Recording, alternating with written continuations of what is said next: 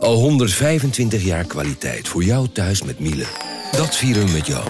Ontvang nu tijdelijk een cashback tot 125 euro op veel Miele-apparatuur. Geniet van de kwaliteit van Miele. Voor perfect verzorgd wasgoed en kleding die veel langer mooi blijft. Voor een stralend schone vaat, even perfect als jouw diners. En een stofvrij thuis waarin echt hygiënisch schoon de standaard is. Check miele.nl voor alle feestelijke aanbiedingen. Vanaf de redactie van NRC het verhaal van vandaag. Mijn naam is Thomas Ruip. De Amerikaanse verkiezingen zijn nog anderhalf jaar van ons vandaan. Maar nu al onderscheiden de grootste kanshebbers zich. Joe Biden, Bernie Sanders en Elizabeth Warren. Zij raast door de peilingen. Mensen staan uren in de rij voor een selfie. En als Warren plan zegt, dan juicht de menigte. Maar je hoort binnen de Democratische Partij ook zorgen. Is zij degene die Trump verslaat?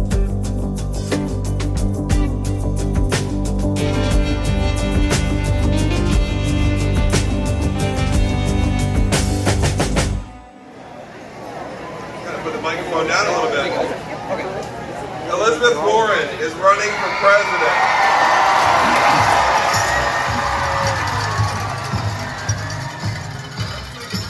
En Bas, waar ben jij geweest? Ja, ik was op de eh, Polk County Steak Fry in Iowa. Dat is een, eh, nou zeg maar een braderie. Dat is een eh, bijeenkomst in een, in een gezellig park in de Iowa-hoofdstad Des Moines. Daar kwamen duizenden mensen en er wordt gegeten, verbrande flensjes en verbrande steaks. Eh, er stond een groot luchtkussen voor de kinderen. Eh, en het belangrijkste is, de mensen konden daar gezellig elkaar ontmoeten. Want het was allemaal, waren dit aanhangers van de Democratische Partij. Dus die, eh, die waren van heinde en ver, vooral uit Iowa, maar ook wel uit de verdere omgeving gekomen. Om daar maar liefst eh 17 democratische presidentskandidaten in levende lijven te kunnen zien. Politieke bijeenkomsten hebben hier een soort, een soort woestheid en een soort levendigheid die in Nederland niet zo heel veel tegenkomt. En bij ons is het toch meer de lijsttrekker omringd door mensen in dezelfde jasjes als hij, die, eh, die een roos of een eh, uitdelen of een hand schudden. Hier gaat het echt wat, eh, nou, er zat een soort vrolijkheid omheen. Het is echt politieke kermis. Wordt dit gezien als een belangrijk moment, deze steakfry? Of is het zomaar een van vele bijeenkomsten waar dit soort dingen gebeuren? Nou, het is eigenlijk, deze steakfry is belangrijk omdat die plaatsvindt in Iowa. Dit is een staat die hoog op de politieke kalender van, eh, van alle partijen staat. Hier worden namelijk in februari altijd de eerste voorverkiezingen gehouden, de caucuses, voor zowel de Democratische Partij als de Republikeinse Partij. Eigenlijk de hele maand zijn er in Iowa al democratische kandidaten op zoek naar kiezers en naar steun van hun kiezers. Hey en Bas, de verkiezingen zijn over ruim een jaar, in november 2020. Er zijn nog zoveel kandidaten. Zijn we niet eigenlijk iets te vroeg om het er dan nu al over te hebben? Zijn we te vroeg? We zijn te laat. Nee, ehm, ze zijn hier al een jaar bezig. Hè. Dat is, het, het, het lijkt niet op Nederland. Ehm, het veld van democratische presidentskandidaten is dit keer enorm, Thomas. Het waren op een zeker moment meer dan 25 mensen. Het is een beetje uitgedund, maar schrik niet. Er zijn nog altijd 19 democratische presidentskandidaten in de race. Dus nee, dit is, dit is, een, dit is een heel goed moment om het hierover te hebben. Te meer daar eh, in de democratische presidentsrace. En dat is de interessantste, want Donald Trump zal wel de republikeinse kandidaat worden. Maar in de democratische presidentsrace zie je zo langzamerhand dat zich een, een patroon begint af te tekenen. dat volgens mij echt betekenisvol is.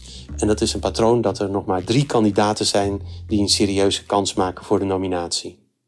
En welke kandidaten zijn zich volgens jou nu aan het aftekenen van die enorme massa die er nog steeds over is? De eerste kandidaat over wie we het moeten hebben, dat is Joe Biden. Dat is, eh, hij zit een eeuwigheid in de Amerikaanse politiek. Hij is in 1972 voor het eerst in de Senaat gekozen. Hij is ehm, de kandidaat van gematigd links Amerika. En ehm, het eerste woord waarmee hij zijn speech begon op de County Steak Fry was folks, We meet here today. mensen. Hij spreekt heel nadrukkelijk de lagere middenklasse en de onderklasse aan. En zijn stijl is daarbij vaderlijk, bemoedigend.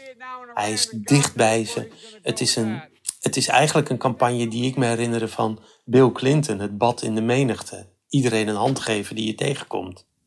En die folks die die aansprak, die mensen in dat publiek, hoe reageerden die op hem?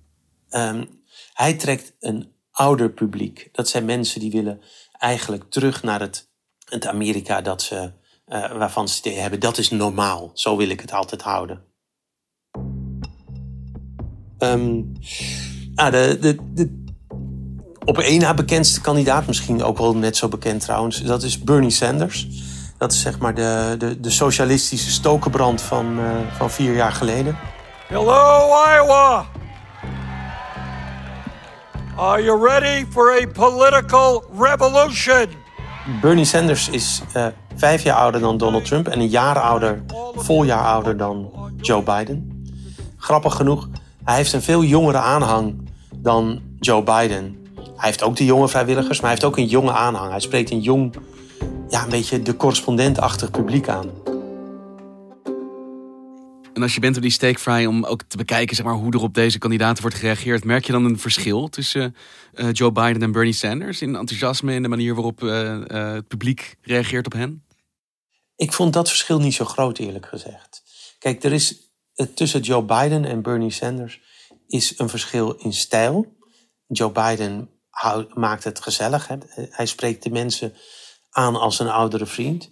En Bernie Sanders, dat is echt de man die op, in, in Londen op Hyde Park Corner op een zeepkist gaat staan en de revolutie predikt. Bernie Sanders is altijd bloedserieus en hij, hij spuwt allemaal feiten over economische ongelijkheid, vuurt hij op zijn, op zijn gehoor af en zegt dat moet veranderen.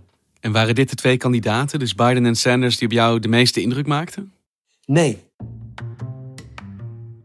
Um, de meeste indruk maakte de derde kandidaat die uh, bij de top drie hoort, al een tijdje lang in de peilingen.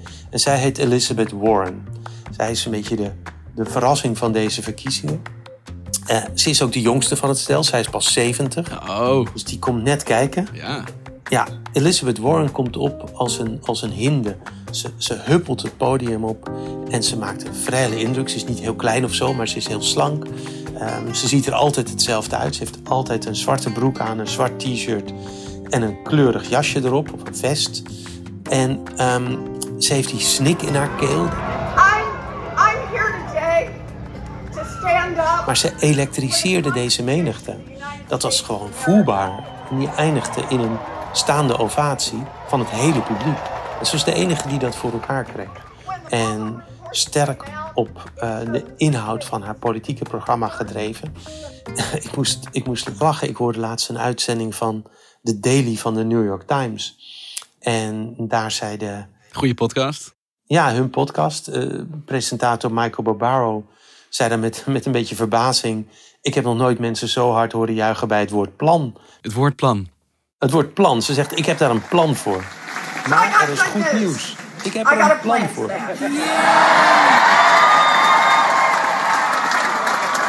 En wie is Elizabeth Warren? Ja, je, je ziet het eigenlijk zodra ze opkomt bij zo'n steakfry. Uh, uh, ze huppelt het podium op onder de klanken van uh, Working 9 to 5 van Dolly Parton. Hello, Iowa!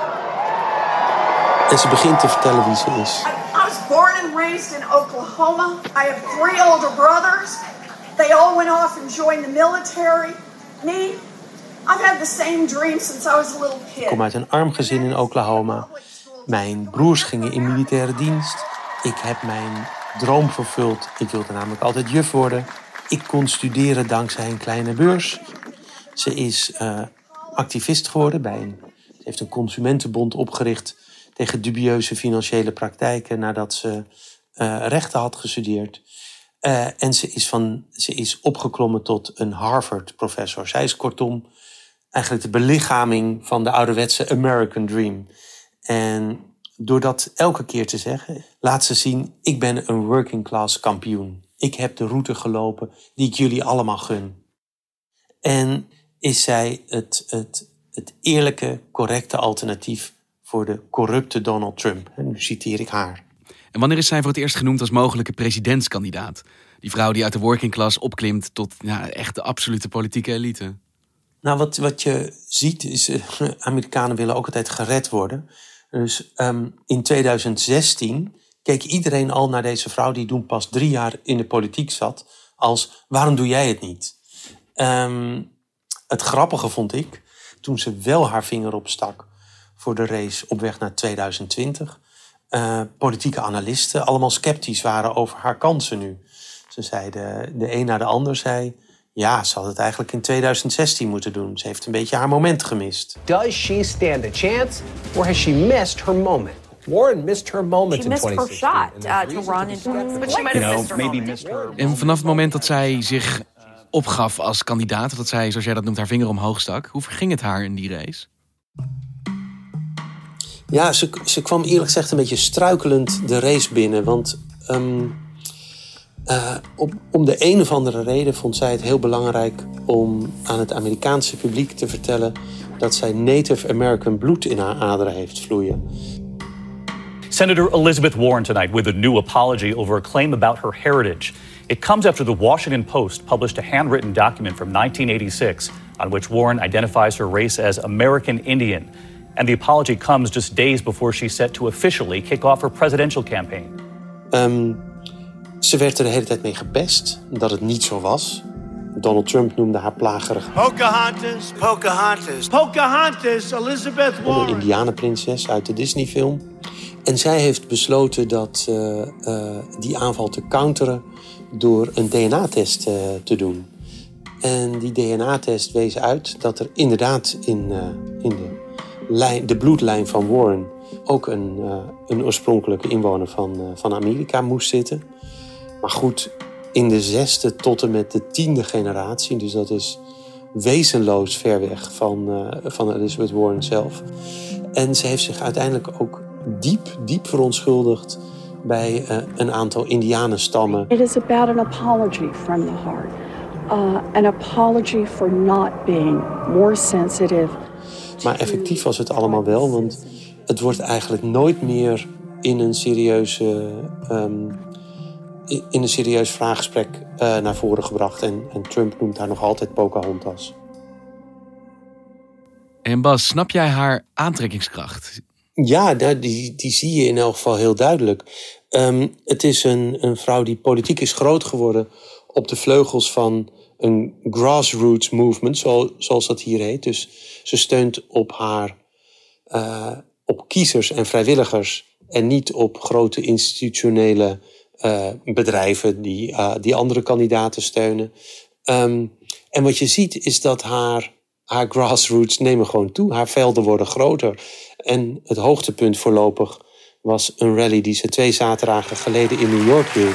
Well, last night uh, she held a rally in New York's Washington Square Park, which drew a crowd of 20,000 people. Het was een rally die alle kenmerken van een, van een Elizabeth Warren bijeenkomst hadden. Dan is ze klaar. En uh, daarna zegt de presentator van... nou mensen, Elizabeth Warren die, uh, die is bereid om nog eventjes hier te blijven... om met jullie op de foto te gaan. The rally supporters lined up to take pictures with Warren. Uh, taking selfies has become a staple of her campaign. The Democratic candidate stayed for an additional four hours... to take pictures after yesterday's rally. Het werkt fantastisch. Dat, dat is een uithangbord tot in de verste uithoeken van de sociale media. Dat is onbetaalbaar. En ideologisch gezien, waar staat zij nou voor, Elizabeth Warren? Ja, Elizabeth Warren is een revolutionair. Uh, zij zegt, deze overheid werkt voor de grote bedrijven, voor de rijke mensen en niet voor de meeste Amerikanen. Zo'n systeem is corrupt. Um, en dat is haar kracht. En het is ook haar zwakte in de Amerikaanse politieke cultuur. Want ja, iemand die in Amerika staat voor big government, voor een grote rol van de overheid, die wordt traditioneel met argwaan bekeken. En al was het alleen maar omdat big government meestal betekent dat de belastingen omhoog gaan. En als er nou één zwak punt is van Elizabeth Warren dat we hier moeten noemen, dan is het het feit dat ze weet dat dat zo is, maar dat ze dat echt niet durft te zeggen. Kennelijk denkt ze dat dat een doodsteek voor haar campagne zou betekenen.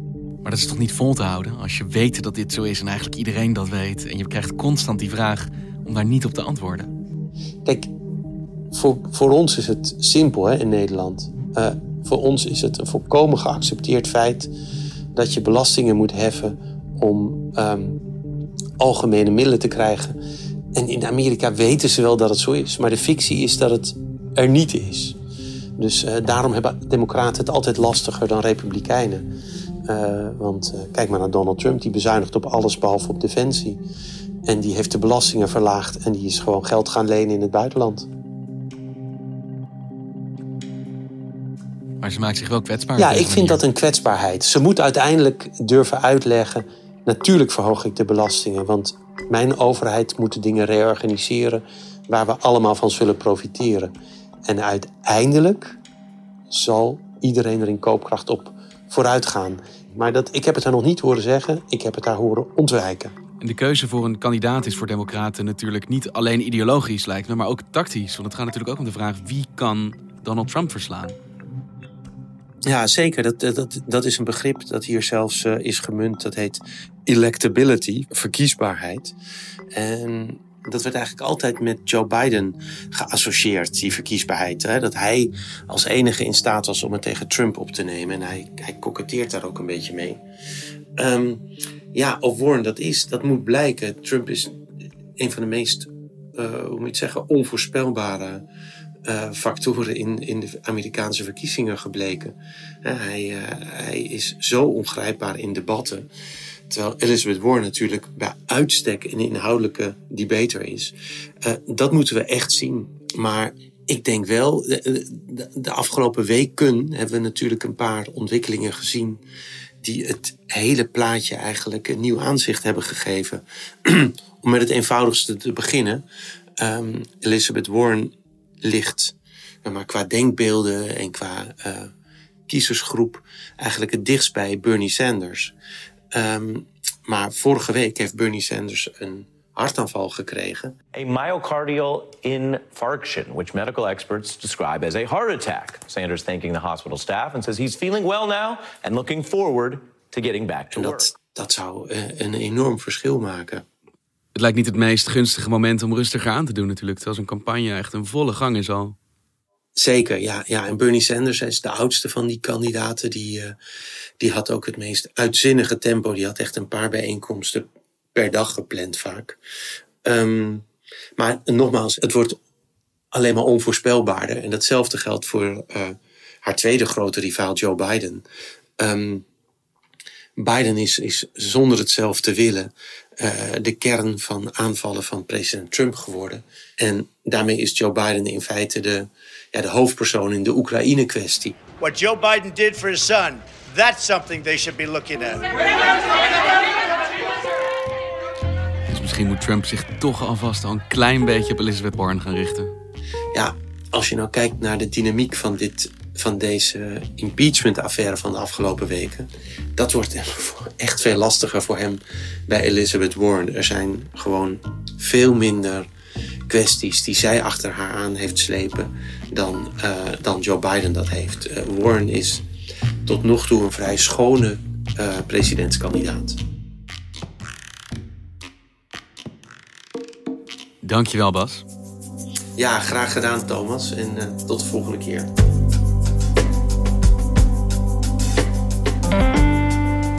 Je luisterde naar vandaag, een podcast van NRC.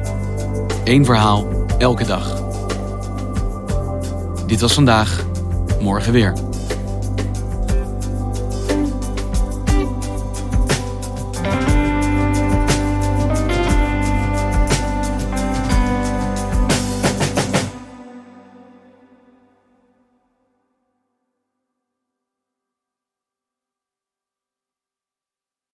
Technologie lijkt tegenwoordig het antwoord op iedere uitdaging. Bij PwC zien we dit anders. Als we de potentie van technologie willen benutten, kunnen we niet zonder een menselijk perspectief. Human-led, tech-powered noemen we dat. Ga naar pwc.nl.